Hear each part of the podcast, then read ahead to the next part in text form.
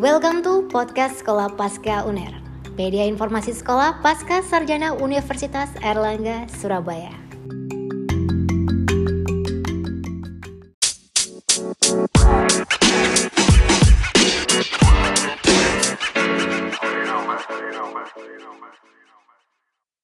Eh, sahabat Erlangga Forum, alhamdulillah dalam saat ini kita langsung agak mendadak acaranya tapi rileks, santai. Ada tokoh-tokoh besar dan orang penting di sini yang masih sangat sama-sama muda gitu ya. Kalau saya ini kan muda mudah-mudahan.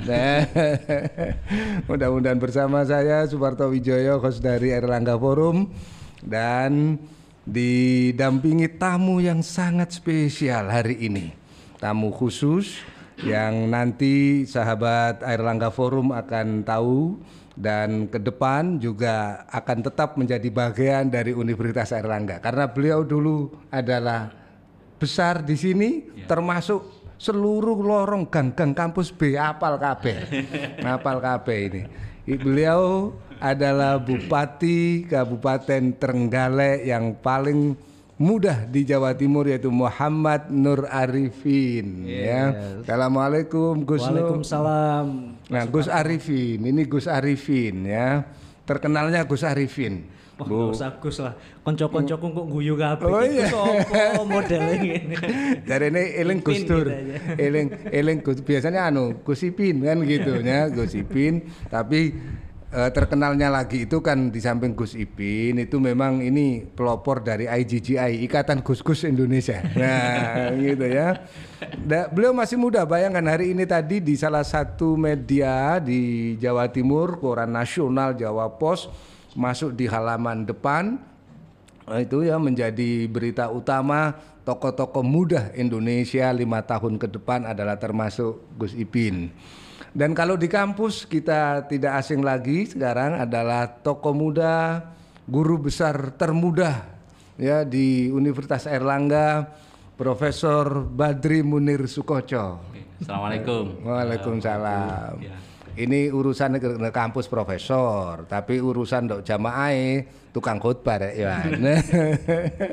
tukang khotbah. Jadi senang sekali tapi beliau di dunia internasional pasti Prof BM Sukoco. Nah, ingat BM dia, ingat BM dia gitu ya. Dan hari ini tentu eh, Pak Prof BM kita dapat berkah kayaknya hari ini ya. Kita tidak menduga Gus Ipin bisa rawuh ke studio Erlangga Forum ke Sekolah Pasca Sarjana. Mudah-mudahan karena hatinya memang cocok untuk di UNER ini ya. ini ya Satria Erlangga. Eh, Satria Erlangga ya betul. Satria Erlangga. Ya opo ya opo ini universitas nggawa nama rojo rek iki rojo Erlangga gitu ya. Eh Gus Ipin eh kalau kenangannya di UNER ada ndak yang spesial bisa dibagi gitu ya. Ini. Terlalu banyak. ini, ini yang saya yang spesial ini yang yang urusan apa ini? Eh, ada yang paling spesial ini. Gimana? Eh, ada salah satu dosen gitu ya. Eh, beliau juga punya anak sekolah di sini. Dulu kebetulan putrinya itu kita sempat deket lah gitu. Oh. Heeh. Nah, terus suatu saat kita Jadi ujian. deket itu deket duduk apa deket hati kan Iya, itu. kita kita ujian gitu ya. Iya. Ujian terus habis itu nilai saya itu 99. Oh, alhamdulillah. Nah, saya saya tanya ke teman-teman yang lain, ternyata teman saya ada yang dapat 100 gitu. Hmm. Nah, terus suatu saat saya apel ke rumahnya. Saya tanya ke sama Pak dosen itu. Hmm. Pak, saya ini punya salah apa? Hmm, ya. Kalau teman saya bisa dapat 100, kenapa saya dapat 99? Nah. 99 itu tulisannya elek apa ya apa kan kan nanggung kalau salah satu harusnya ya 80 kah nilainya Ah, atau ah, iya, iya. 90 ini 99 ya sedangkan teman saya ada yang dapat 100 gitu. Itu mata kuliah apa ya kira-kira? Kalau engko terus dilacak nih mata kuliah itu dosen ini siapa ngono. Kalau saya hafal. Oh ya. Sebut aja mata kuliahnya hafal. Oh gitu ya. Nah, itu itu itu paling paling apa nilai yang paling saya ingat selama kuliah itu Kuliah ini. Nah, semester semester awal lah semester nah satu, dari semester nilai itu tadi terus akhirnya Jadi ternyata gini, percintaan itu bisa memotivasi belajar. Oh, gitu ya. Iya. Jadi perci- percintaan itu Bisa memotivasi belajar. belajar. Kalau pencitraan memotivasi suara. Meraup meraup suara. meraup suara ya, meraup suara. Oh, jadi Eh, dulu masuk unernya tahun berapa? tahun 2007 Oh 2007. dan itu masa masa sulit dalam hidup saya karena saya anak pertama dan bapak saya waktu itu meninggal dan relatif ditinggal bapak di saat beliau masih bapak meninggal usia 41 tahun. Jadi anak pertama kan gak gampang ada adik-adik. Berapa bersaudara? Saya tiga tiga bersaudara, tiga, bersaudara dan jaraknya jauh-jauh. Jadi saya antar adik itu lima tahunan. Jadi kalau saya 17, adik saya yang kedua waktu itu 12 tahun, yang yang terakhir tujuh tahun.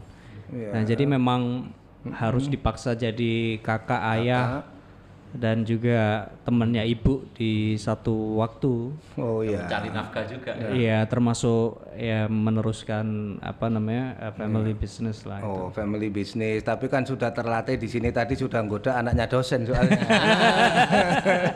Sudah berani. Level of confidence-nya tinggi.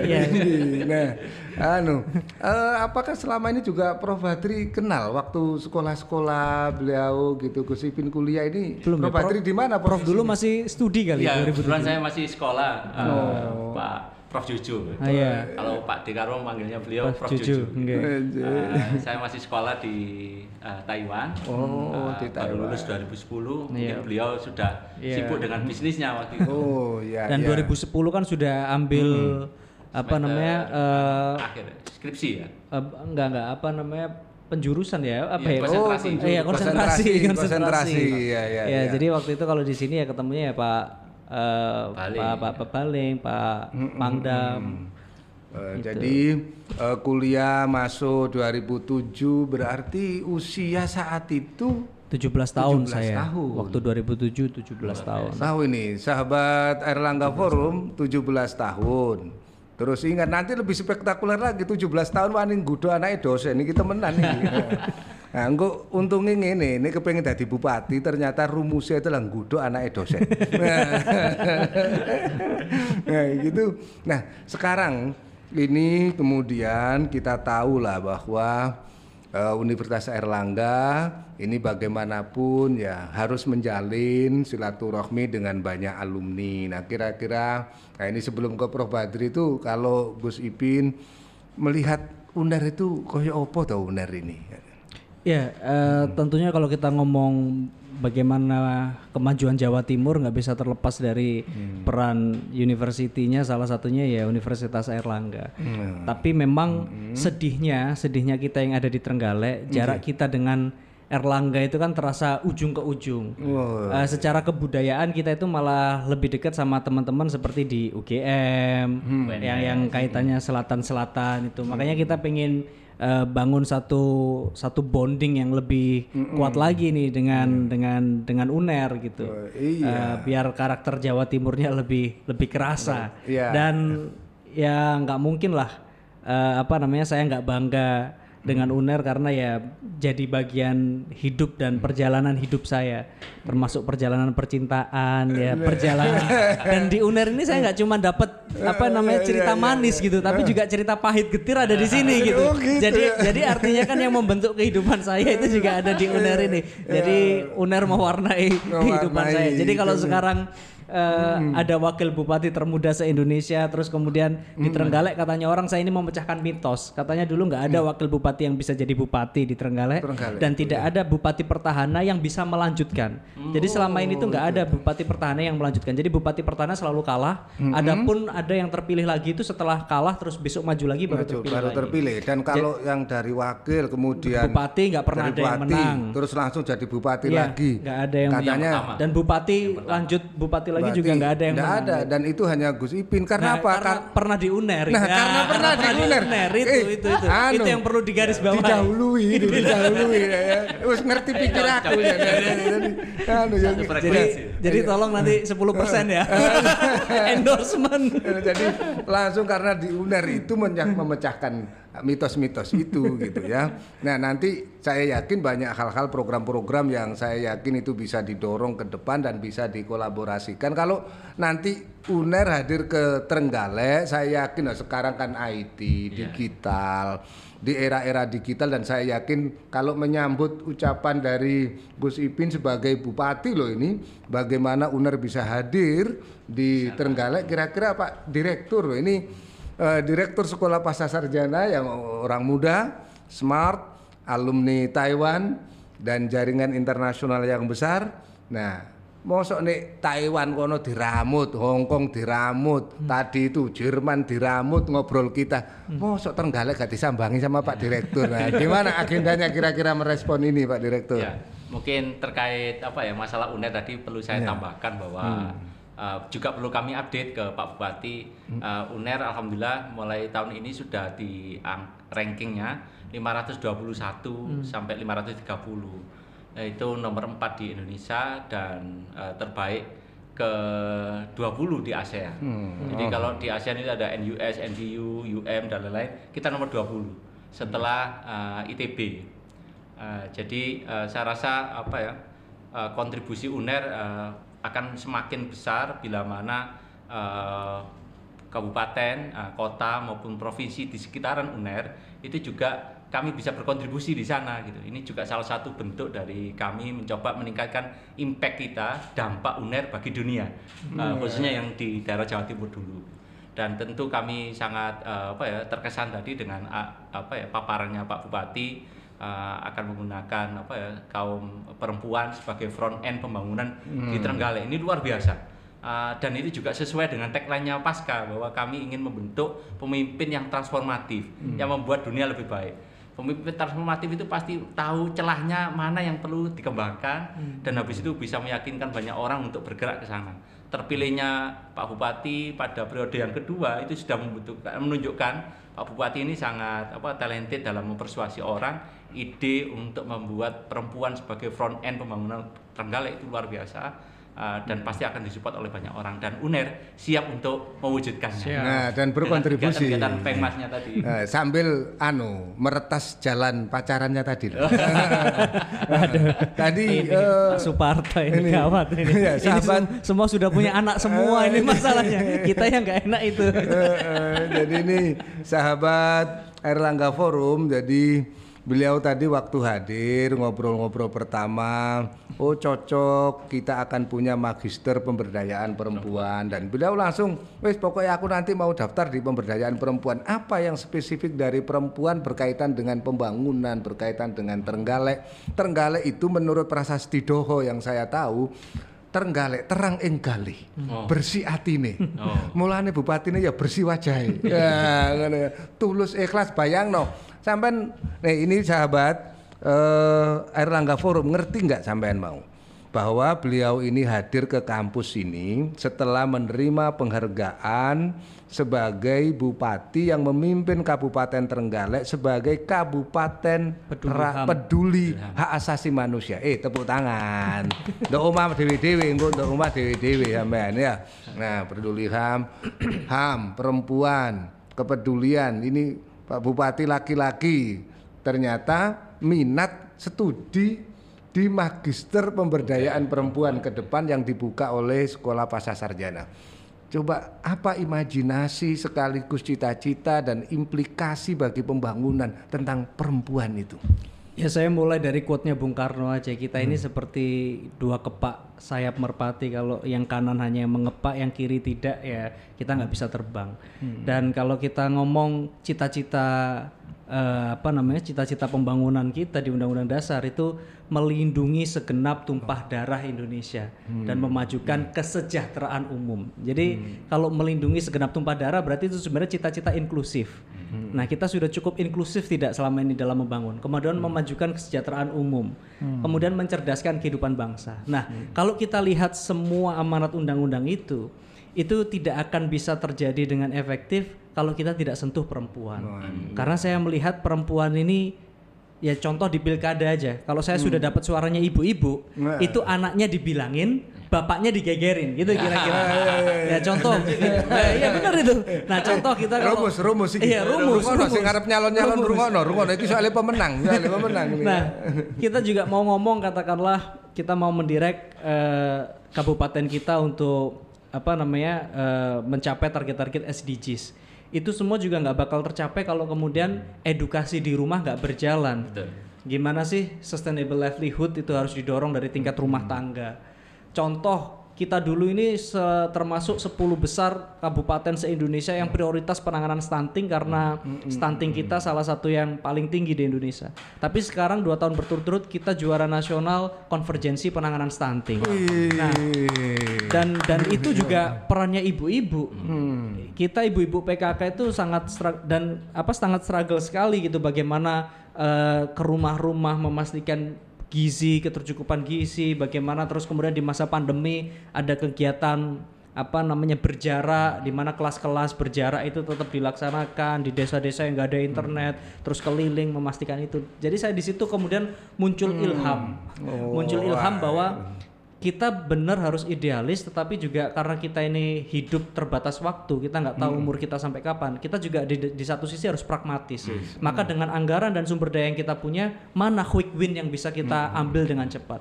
Nah kami percaya kalau kita sentuh perempuan akan ada beberapa hal yang bisa kita kita dapatkan. Satu kesejahteraan bisa meningkat Ya, kemiskinan bisa bisa menurun, kemudian kualitas sumber daya manusia pasti bisa naik. Lo apa hubungannya perempuan sama kualitas sumber daya manusia? Iya. Kalau perempuan kita berdayakan secara ekonomi, otomatis pendapatannya katanya survei itu dari McKinsey itu 90% diinvestasikan kembali ke keluarga. Untuk kesehatan keluarga, gizi, kemudian pendidikan, anak gitu. Gak mungkin buat ngopi soalnya. Ah, nggak mungkin, nggak mungkin. Ya paling kalau ada lebih buat arisan lah gitu. Arisan, Tapi iya, kalau dapat arisan modal ya pasti buat anaknya lagi, Iya, pasti oh, buat rumah lagi.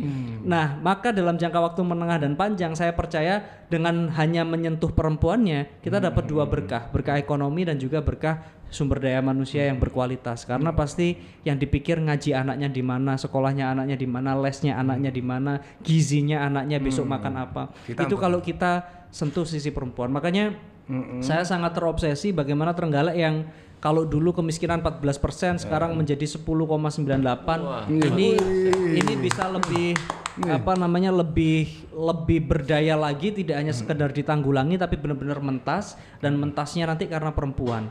Makanya sekarang mulai tahun lalu kita sudah menginisiasi namanya rumah perempuan. Kemudian kita Rumah sudah punya perempuan. punya. Jadi aturan pertama yang saya tanda tangani waktu itu jadi bupati adalah memastikan perempuan punya punya forum musyawarah perencanaan pembangunan khusus, perempuan, anak, disabilitas dan kelompok rentan.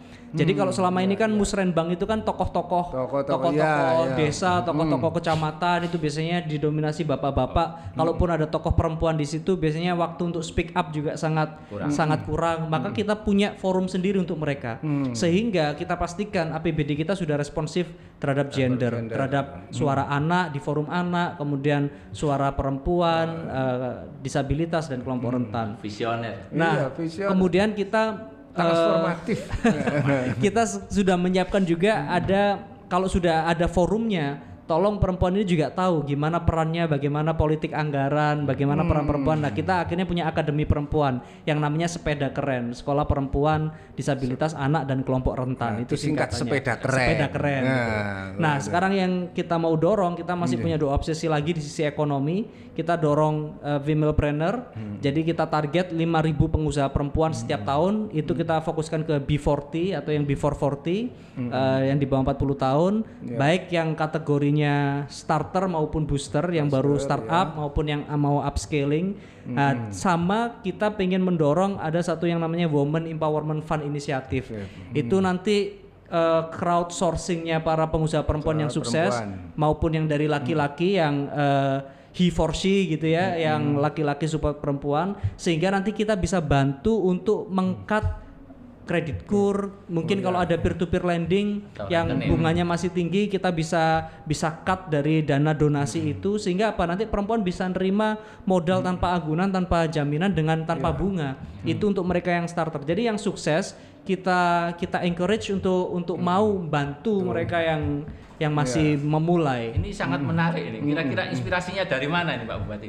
Saya karena kebetulan karena kesuksesan kita mengentaskan kemiskinan, kita waktu kemarin dinominasikan oleh USAID eh, untuk menjadi salah satu ambasador gerakan dunia Women Global Development and Prosperity. Itu satu inisiasi dari White House eh, di mana eh, fokus kepada pilar kesempatan perempuan dalam lapangan pekerjaan, berwirausaha, terus kemudian eh, menghilangkan barriers terhadap aturan-aturan yang tidak tidak konstruktif terhadap perempuan. Ya contoh kalau di Indonesia eh, rancangan undang-undang eh, apa namanya kekerasan seksual itu bagaimana melindungi perempuan di eh, tempat kerja dan lain sebagainya. Eh, kita di sana jadi kita berkeliling dari Washington sempat ketemu sama Ivanka waktu itu dan yang bikin saya agak semangat lagi kan begini.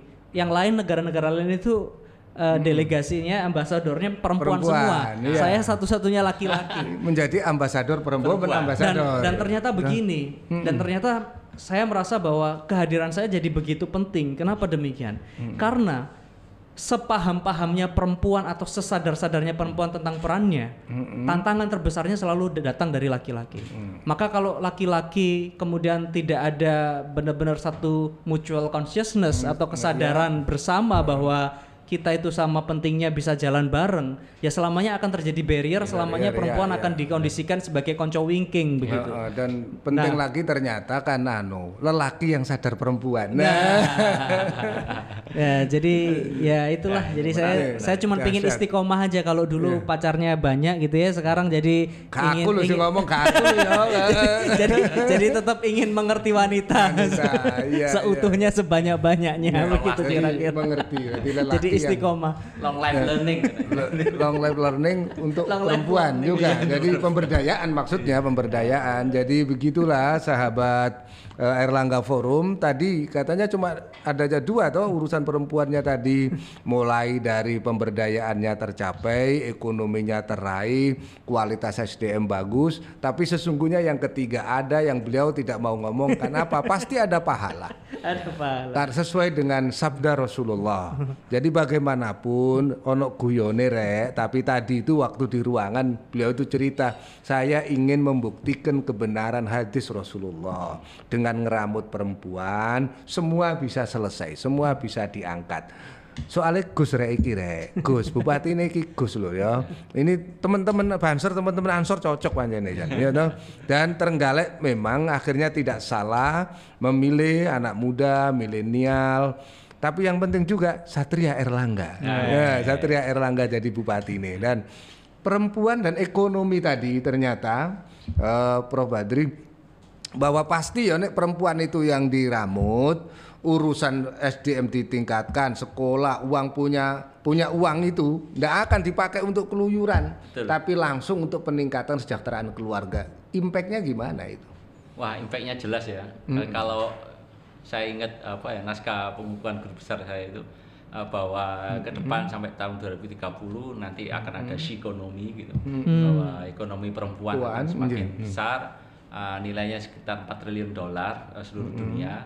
Dan tentunya barang-barang yang terkait dengan kebutuhan perempuan itu naik apa ya kebutuhannya luar biasa.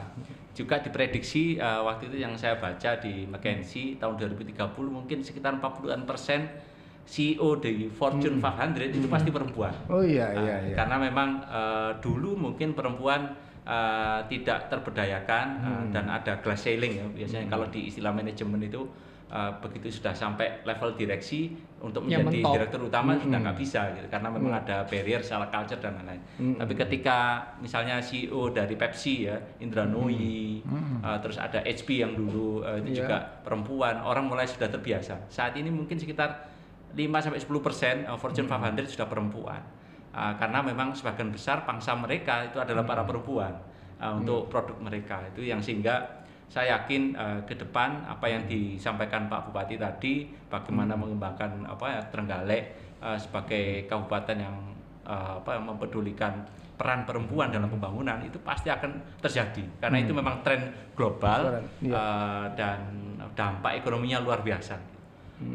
Dan tadi Iya, saya iya. cukup apa ya cukup eh, Mind blowing. mind blowing juga. iya, kalau perempuan pasti tidak akan digunakan untuk hal-hal yang, Nah, iya. yang tidak perlu gitu. Paling banter arisan jadi nih. Iya, paling banter arisan. Kalau arisannya Asal telat, jangan arisan Hermes. Beda. Coba kalau saya sama Pak Badri yang dapat duit, itu pulang ke rumah gitu nggak langsung ngomong ke istri. Heeh. Iya, kita simpen dulu, simpen dulu. Oh tapi langsung untuk beli buku maksudnya. Buku-bukunya Mackenzie. hobinya Iya. karena boys always boys gitu. iya. Kalau laki-laki ya selalu jadi anak-anak Nah, gitu. iya. Yang Mainan dipikirkan pasti. eh, eh, hobinya dulu, hobi motor, hobi mano, hobi adu jago, bal-balan itu Nah kalau sembarang. cerita-cerita hobi-hobinya Gus Ipin ini apa ya Pak Bupati ini? Kalau Kan, kalau saya sepak bola, Oh. sepak bola sama Sepak ya, sama bola. ya musik masih lah musik. oh, musik gitu ya. Saingan Ya sama dikit-dikit, Pasha, gitu. Eh, iya iya dikit-dikit iya. baca buku gitu. Hmm, jadi eh, sahabat Erlangga Forum, jadi tidak salah nanti kalau Sekolah Pasca Sarjana Universitas Erlangga ini akan membuka magister pemberdayaan perempuan. Dan mahasiswa pendaftar pertama yang akan dibuka bulan Februari. Februari itu ternyata adalah Gus Muhammad Nur Arifin. Ikuti loh ya. Jangan lupa, jangan lupa follow terus ya, like and subscribe. Nah, dari video-video kita ini gitu ya. Nah, jangan lupa itu semua tapi tentu saja, tentu saja banyak hal ya. Eh, Di sosial media dari Sekolah Pasca Sarjana UNER ini ada TikTok, ada Spotify, ada Facebooknya, ada YouTube-nya. Ada juga jaringan-jaringan radio se-Jawa Timur yang sudah bekerja sama termasuk beberapa kampus-kampus besar di Malaysia, di Thailand, di Jepang. Kita akan ini pasti didengarkan nantinya karena ini akan tayang di YouTube kita ini toh. Nah, Gus selama ini jenengan kan sudah jadi wakil bupati pernah.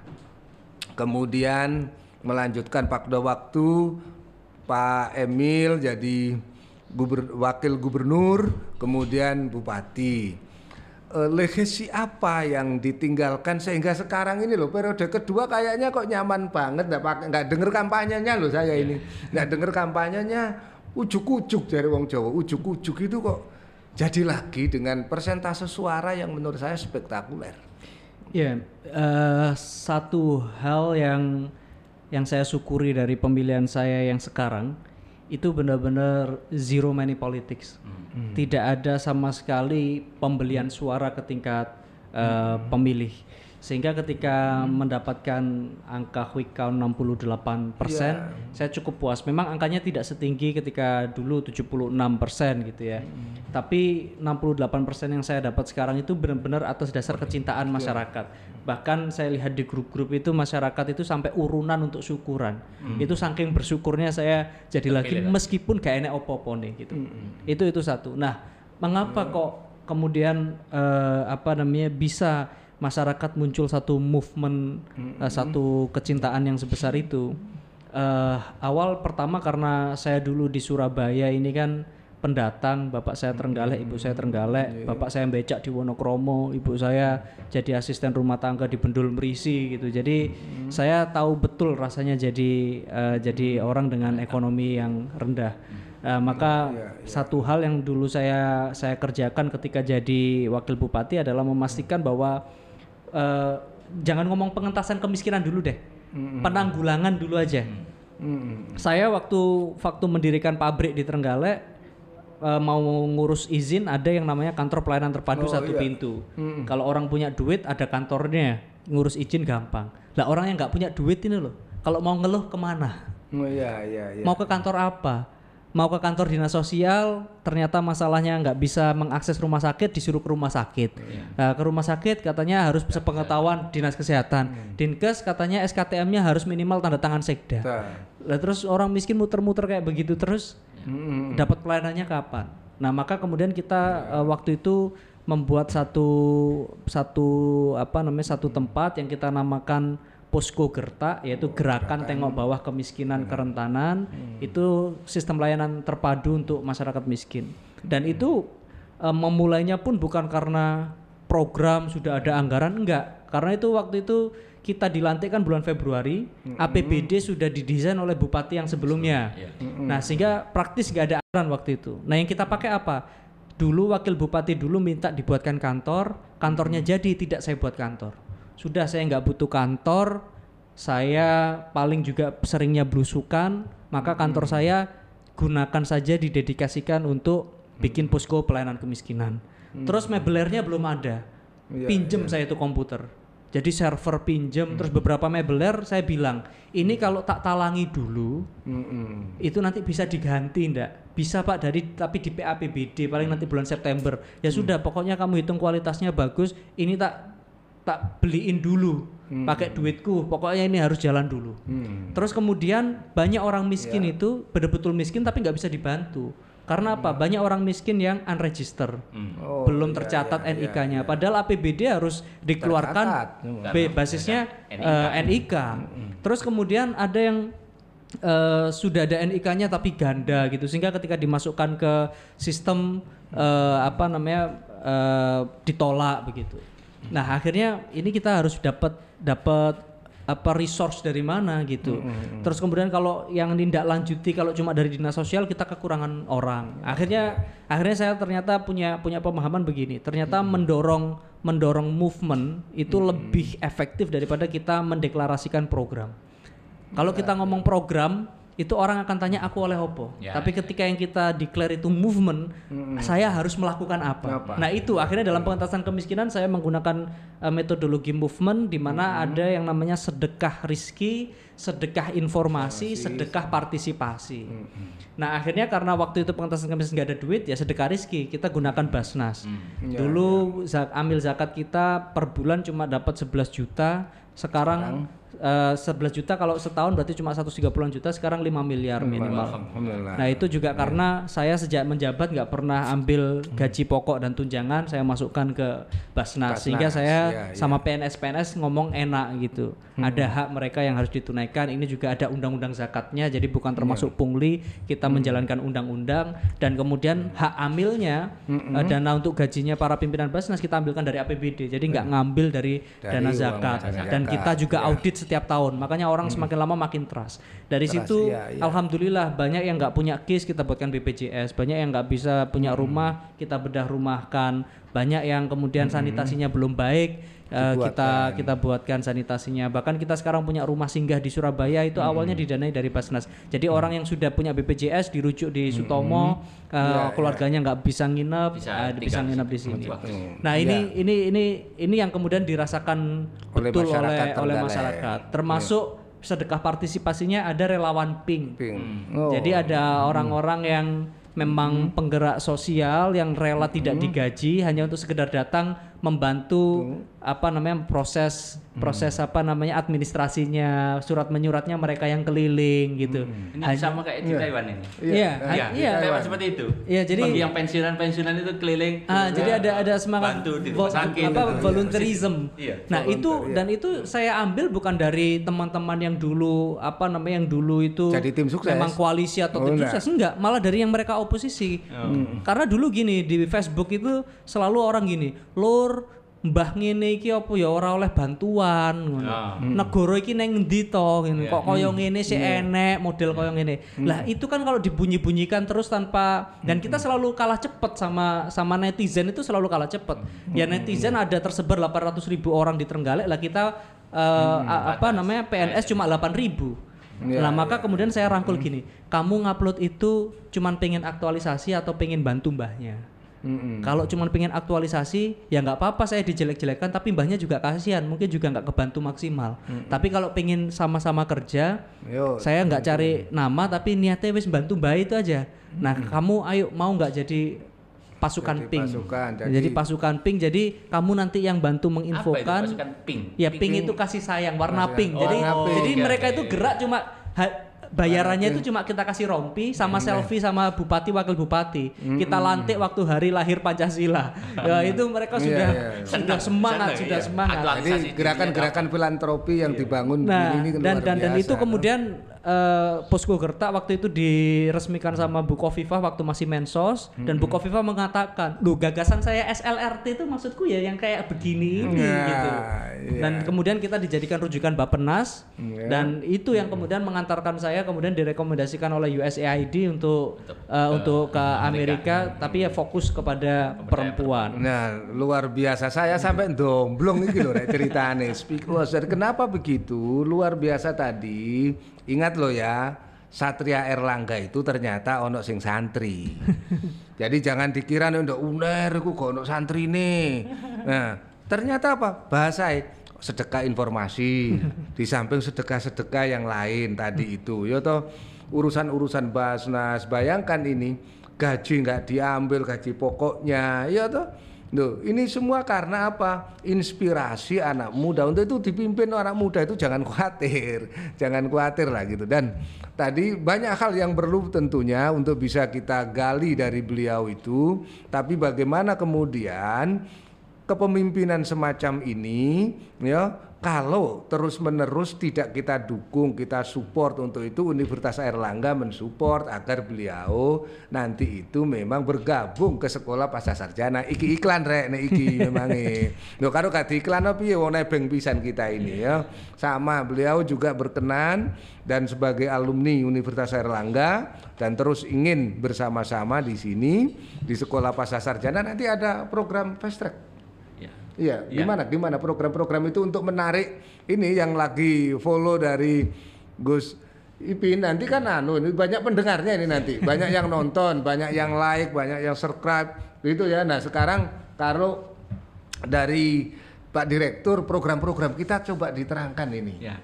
Eh, Sekolah Pasca Sarjana saat ini mengelola tujuh program studi. Eh, yang pertama di S2 ada Magister Pengembangan SDM, eh, Akreditasi A, terus ada Magister Sains Hukum dan Pembangunan, ada juga Magister Imunologi, satu-satunya dan yang pertama di Indonesia eh, menggabungkan kedokteran dengan biologi, terus eh, Magister Forensik juga sama terakreditasi A.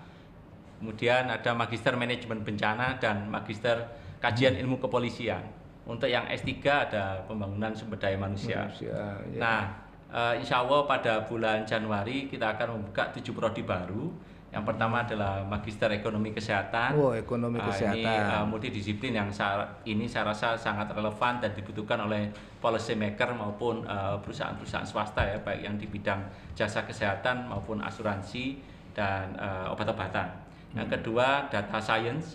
Ah, ini Data cukup science. apa ya eh, populer juga akhir-akhir ini terkait sama big data, yang nanti terkait sama bagaimana pemanfaatannya di bidang bisnis maupun di bidang kesehatan. Yang ketiga adalah budaya dan industri kreatif Oh, magister budaya. ya, dan industri kreatif. Industri kreatif. Sebenarnya eh, dari beberapa prodi yang dibuka Mones saat ini, eh, Hmm. Pak Bupati di Bumi Serpong Damai, itu ada lima prodi yang relatif sama dengan lima prodi yang kita bangun saat ini. Jadi eh, kalau mereka buka ya kita justru sama-sama apa ya punya sensing yang sama terhadap pasar bahwa Indonesia membutuhkan lima prodi ini. Yang keempat itu adalah magister kewirausahaan. Eh, mereka juga buka. Eh, terus yang terakhir adalah farmasi veteriner. Ah, ini obat-obatan untuk eh, kehewanan. Dan yang terakhir ini kerjasama dengan Kemendagri dan Kemen eh, Perempuan eh, Kementerian eh, Pemberdayaan Perempuan, eh, Magister Pemberdayaan Perempuan dan yang terakhir adalah Magister Administrasi Kependudukan. Kependudukan, Nah, ini bagi teman-teman yang sedang apa ya berkarya di Dinas Kependudukan dan Catatan Sipil, eh, kita menyajikan eh, sekolah yang memang sangat relevan dengan pengembangan karir fungsional pegawai-pegawai yang ada di catatan sipil eh, untuk magister administrasi kependudukan dan eh, pemberdayaan wanita. Ya. Karena selama ini ada juga beberapa universitas yang menawarkan prodi eh, pemberdayaan wanita tapi lebih ke stream gender atau women study saja. Padahal itu beda, beda banget. Eh, kalau di beberapa universitas yang kayak Harvard eh, atau Stanford itu memang ada khusus women empowerment ya. Jadi Jadi, itu lebih ke bagaimana juga. memberdayakan Ya, perempuan. untuk itu gerakan pemberdayaan ini Iya, jadi gerakan, satu gerakan. Ingat ya pendaftarannya kalau yang baru nanti bulan Februari, tapi kalau yang sudah ada Semester gasal ya, untuk semester gasal. Yang kalau yang sekarang ini besok Rebo itu sudah mulai buka sampai tanggal 23 dan tesnya mulai tanggal 27 ya. Ya. Desember Desember ini kalau mau buka klik saja nanti di eh, websitenya PPMB Universitas Erlangga. Dan Itu. websitenya Pasca. Dan jangan lupa websitenya Pasca Ya, ini sudah ya perbarui. sudah Lebih update ya lebih milenial dan tentu saja nanti ini kalau Pak Bupati ini kan akan gabung nanti akan gabung gitu ya gerakan coba ditiru ya urusan gerakan perempuan dari ngurusi stunting akhirnya nasibe dari wong Jawa mari ngurusi stunting akhirnya ditanting karo Gusti Allah. Ya ditanting ditinggikan derajatnya ya. Ya ditinggikan derajatnya dan apalagi nanti beliau ini langsung kok masuk milenya itu langsung magister. Pemberdayaan pemberdayaan perempuan dan ternyata dari perempuan itu akan punya impact yang luar biasa pada pembangunan. Apalagi tadi ini tidak ada. Menurut saya di dunia itu tentang semacam forum partisipasi gagasan ide itu yang khusus perempuan. perempuan luar Eh, biasa. eh, luar itu biasa. itu ide Ya ide memang itu di Jawa Timur mungkin baru Tenggara atau mungkin di Indonesia ada satu di Aceh. Oh. Tapi kalau Aceh itu karena isunya syariah. Jadi karena Tidak eh, bisa campur tidak ya. bisa campur antara perempuan dan lagi. Kalau kita memang ingin mendorong bahwa eh, apa voice of women, child ya, terus kemudian vulnerable eh, groups itu bisa bisa ketangkep sehingga memang eh, harapannya program-program yang kita dorong lebih lebih inklusif. Berarti Dan su- ada satu lagi yang saya pengen pengen cerita. Iya. Ini terkait di masalah kesehatan. Ini kan sekarang di era pandemi semua ngomong kesehatan dan kita butuh satu breakthrough, satu terobosan. Nah ini mungkin satu ya satu gambling, kedua ya keyakinan saya yang sekarang sedang diuji nanti ke efektivitasannya. Apa itu? Kalau selama ini kita ngomong program kesehatan itu berkutatnya di Kartu Indonesia Sehat, Ya. di BPJS, intinya adalah orang sakit dibayar. Ya. ya Tapi kejadiannya apa? Kejadiannya beribet ya karena mekanisme rujukan, terus kemudian BPJS-nya ya jebol gitu. Dan seenak-enaknya orang sakit dibayar, ya enakan nggak sakit. Nggak sakit. enak sehat enakan sehat. Nah maka kita sekarang dorong program kalau BPJS itu yang sakit dibayar, kalau kita programnya yang sehat yang dibayar. Ya, bayar. Ya. Jadi kita pengen promote bagaimana keluarga yang memenuhi indikator keluarga sehat itu nanti akan mendapat poin. Poinnya akan ditukar bisa jadi rupiah yang bisa dibelikan untuk tambahan vitamin, tambahan gizi, kemudian untuk biaya check up rutin sehingga harapannya sebelum dia sakit dia sudah tahu resikonya sehingga kemudian merubah gaya hidupnya. karena kebanyakan penyakit di Kabupaten Trenggalek itu terjadi karena gaya hidup, Nah, hipertensi, gula, terus Paru-paru. kemudian kemudian katakanlah demam berdarah saja. Demam berdarah itu juga karena gaya hidup kita nggak bersih untuk kemudian eh, mengurangi resiko eh, apa tumbuhnya jentik-jentik. Nah dan ini program ini nanti berbasis keluarga yang dapat kartu itu yang sebagai pemegang kendalinya itu ibu-ibu. Nah, pokoknya tetap ibu-ibunya. ibu. iya pokoknya ibu-ibunya. Iya, nah iya. sehingga ibu-ibu itu nanti yang punya kewajiban kalau ada suaminya datang ke puskesmas itu jangan pas sakit tapi check up rutin. Iya, check up. sehingga tahu resiko resiko penyakitnya seperti apa. Jadi jangan sampai sakit lah. Iya. Eh, mau check up rutin aja itu nanti dapat poin terus kemudian itu bisa dirupiahkan. Kita taruh maksimal per bulan 200 ribu jadi ini semacam BLT tapi bersyarat. Bersyarat, Ah, sehat. Jadi Sehat, jadi sehat, sehat, jadi ya, sehat. Syaratnya yaitu sehat. Ada yang namanya indikator keluarga sehat, Sehat nanti. itu. Terus kemudian kalau di rumah itu ada lansia, ya harus rajin ke posyandu lansia. Kalau ada balita ya harus rajin ke posyandu. Kalau ada ibu hamil ya harus check up rutin. Karena banyak ibu-ibu itu yang hamil kemudian menyembunyikan kehamilannya apa kehamilannya unwanted child gitu sehingga eh, tahu-taunya sudah sudah risti resiko tinggi. Nah ini harus kita harus kita kasih stimulus untuk mereka eh, mau kemudian check up rutin. Nah harapannya kalau program ini sukses, harapannya beban BPJS tidak berat. Kemudian ini satu promotif preventif yang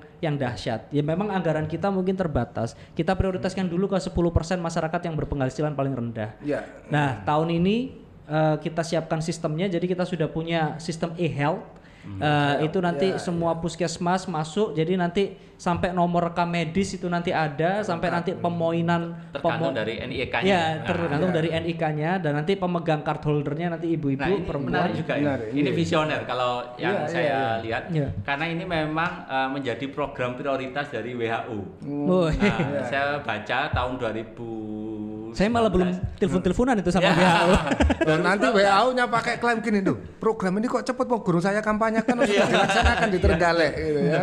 Eh, salah satu prioritas dari programnya WHO itu adalah bagaimana melakukan preventif, eh, preventif health. Eh, Salah satunya adalah yang seperti ini. Karena kalau kita menunggu orang sakit, eh, cure itu pasti biayanya sudah Ya, besar. kosnya tinggi itu. Uh, kalau apa preventif itu akan uh, lebih uh, rendah dengan misalnya nih uh, ada program olahraga, program gaya hidup sehat dan lain-lain. Saya rasa uh, Trenggalek dengan program yang ini uh, luar biasa, Uh, apa one step ahead dibandingkan uh, bupati Kar- atau kota yang lain. karena- dan insya Allah berhasil. Sekarang saya takut kalau kemudian nanti di kolom program itu hanya promotif preventif. Ya. Nanti dinas itu mengalokasikannya hanya untuk sosialisasi, Ya. gaya hidup sehat. Ya, empat ini sehat lima sempurna. Duitnya nanti hanya hanya habis untuk beli banner, beli souvenir, sama, Sama workshop. kemudian eh, workshop workshop gitu. Nah, tapi ya. kemudian pulang dari rumah warga itu kemudian Balik aku lagi. aku wes ngerti empat sehat lima sempurna. Cuma sing digawe tuku empat sehat lima sempurna nih loh, Ono. gitu. Nah, tapi program jenengan kan Nah, iki ini gawe tuku iya, iya, jadi Ngono. jadi insentifnya jangan kepada petugas sekedar petugas kesehatannya atau yang sosialisasi tapi benar-benar kembalikan ke masyarakat. Jadi anggaran promotif preventif itu kembalikan betul ke masyarakat, menginsentif mereka agar mereka termotivasi. Semakin kemudian gaya hidup mereka itu makin baik, nanti disurvei indikator keluarga sehatnya makin baik, semakin banyak duit yang bisa didapat. Bisa full dapat per bulan 200 ribu. Dahsyat inilah Trenggalek meroket. Nah, Trenggalek meroket Kelas itu. dunia ide ini. Ini ide-ide betul kelas dunia. Jadi ini. Nah kan world class apa World Class Campus, University, Iya, Class University. Eh, Smart City, World Class University, memang ini. Jadi jangan alumni ini kayak ini loh, Rek. alumni ini kayak Eh, ini loh. iku sing di DO iku kayak ngono, mana sing lolos sih. Eh, alhamdulillah, alhamdulillah. Coba jenengan semua sudah tahu sekarang ya visinya yang luar biasa. Bisa anda bayangkan kalau orang sakit itu pasti kosnya tinggi lah. Urusan obat, urusan dokter, urusan opname, rumah sakit, gurung sing nunggoi. Ya gurung sing sambang wong-wong kampung. Tapi di Kabupaten Trenggalek Anda sehat kasih insentif. Anda sehat lapor cek sehat insentif. Insentifnya adalah untuk peningkatan gizi sehingga panjenengan tambah kuat badane, akan produktivitas rumah tangganya bagus, pendapatan meningkat. Iya toh? Kalau ini yang dikembangkan di seluruh Indonesia dan ternyata menurut Prof Badri Munir Sukoco ini tadi itulah sesungguhnya maksud dari program PBB WHO. WHO melalui organnya WHO apa urusannya sehat dulu. Jadi ini adalah tindakan yang sangat preventif di mana menjamin kesehatan rakyat itu adalah inti daripada eh, manajemen pemerintahan dengan kepemimpinan yang transformatif, Ya. yang visioner ke depan. Tentu masih banyak hal yang perlu dibicarakan. Tetapi kalau sampean dintek-entekno saiki engko nggarai gak mengikuti channelnya. Airlangga Forum. Nggarai gak kangen. Coba ini akhirnya satu jam lebih meskipun kita tadi kontraknya 30 menit Pak Bupati karena ini nanti juga ada pertemuan Kakean dengan mantan sing diceritakno. eh, pokoknya aku gak nyebut loh Rek. Tapi kalau Gus Ipin sendiri yang nyebut itu ora apa-apa. Itu bagian dari identifikasi sebenarnya ya. It- kalau memori ini kampus ini, studio ini ternyata bagi beliau memorable. Ada kenangan-kenangan yang di sini yang akan dirakit dan terus menjadi program ternyata di Kabupaten Trenggalek. Terima kasih sekali pada Pak Bupati ya, Gus Muhammad Nur Arifin ya. Mudah-mudahan panjenengan nanti setelah dilantik di periode kedua itu ya ide-idenya itu terus menerus disuarakan di Universitas Erlangga. Dan Siap. dan nanti tolong dibantu karena begini kalau idenya datang dari mahasiswa DU nggak ada yang percaya. Tapi kalau nanti juga ada by research da- dari University pasti, of Erlangga Enggak. itu akan akan jadi Akan lebih akan iya legitimasinya ada gitu anu ada. bukan DO itu adalah bagian untuk melakukan kuantum berikutnya, lompatan-lompatan untuk itu apa? Nanti beliau langsung daftar. Satu di magister pemberdayaan perempuan, kedua langsung fast Fast track, yaitu doktor pengembangan sumber daya manusia.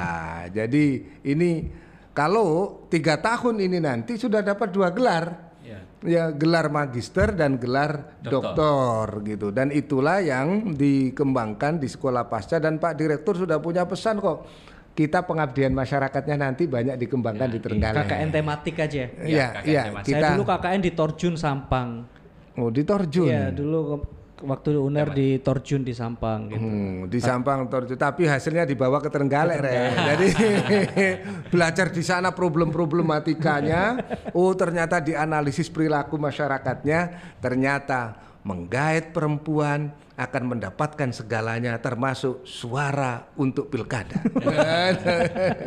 Jadi, terima kasih juga pada Pak Profesor Badri Munir Sukoco dan seluruh tim ini. media. Wah, ini, wih, terima kasih, terima kasih. Terenggalek meroket. Nah, Terenggalek meroket. Terima kasih. Sampai jumpa di sesi-sesi dan edisi berikutnya dan tunggu terus dan ikuti terus program Erlangga Forum. Terima kasih. Assalamualaikum warahmatullahi wabarakatuh. Waalaikumsalam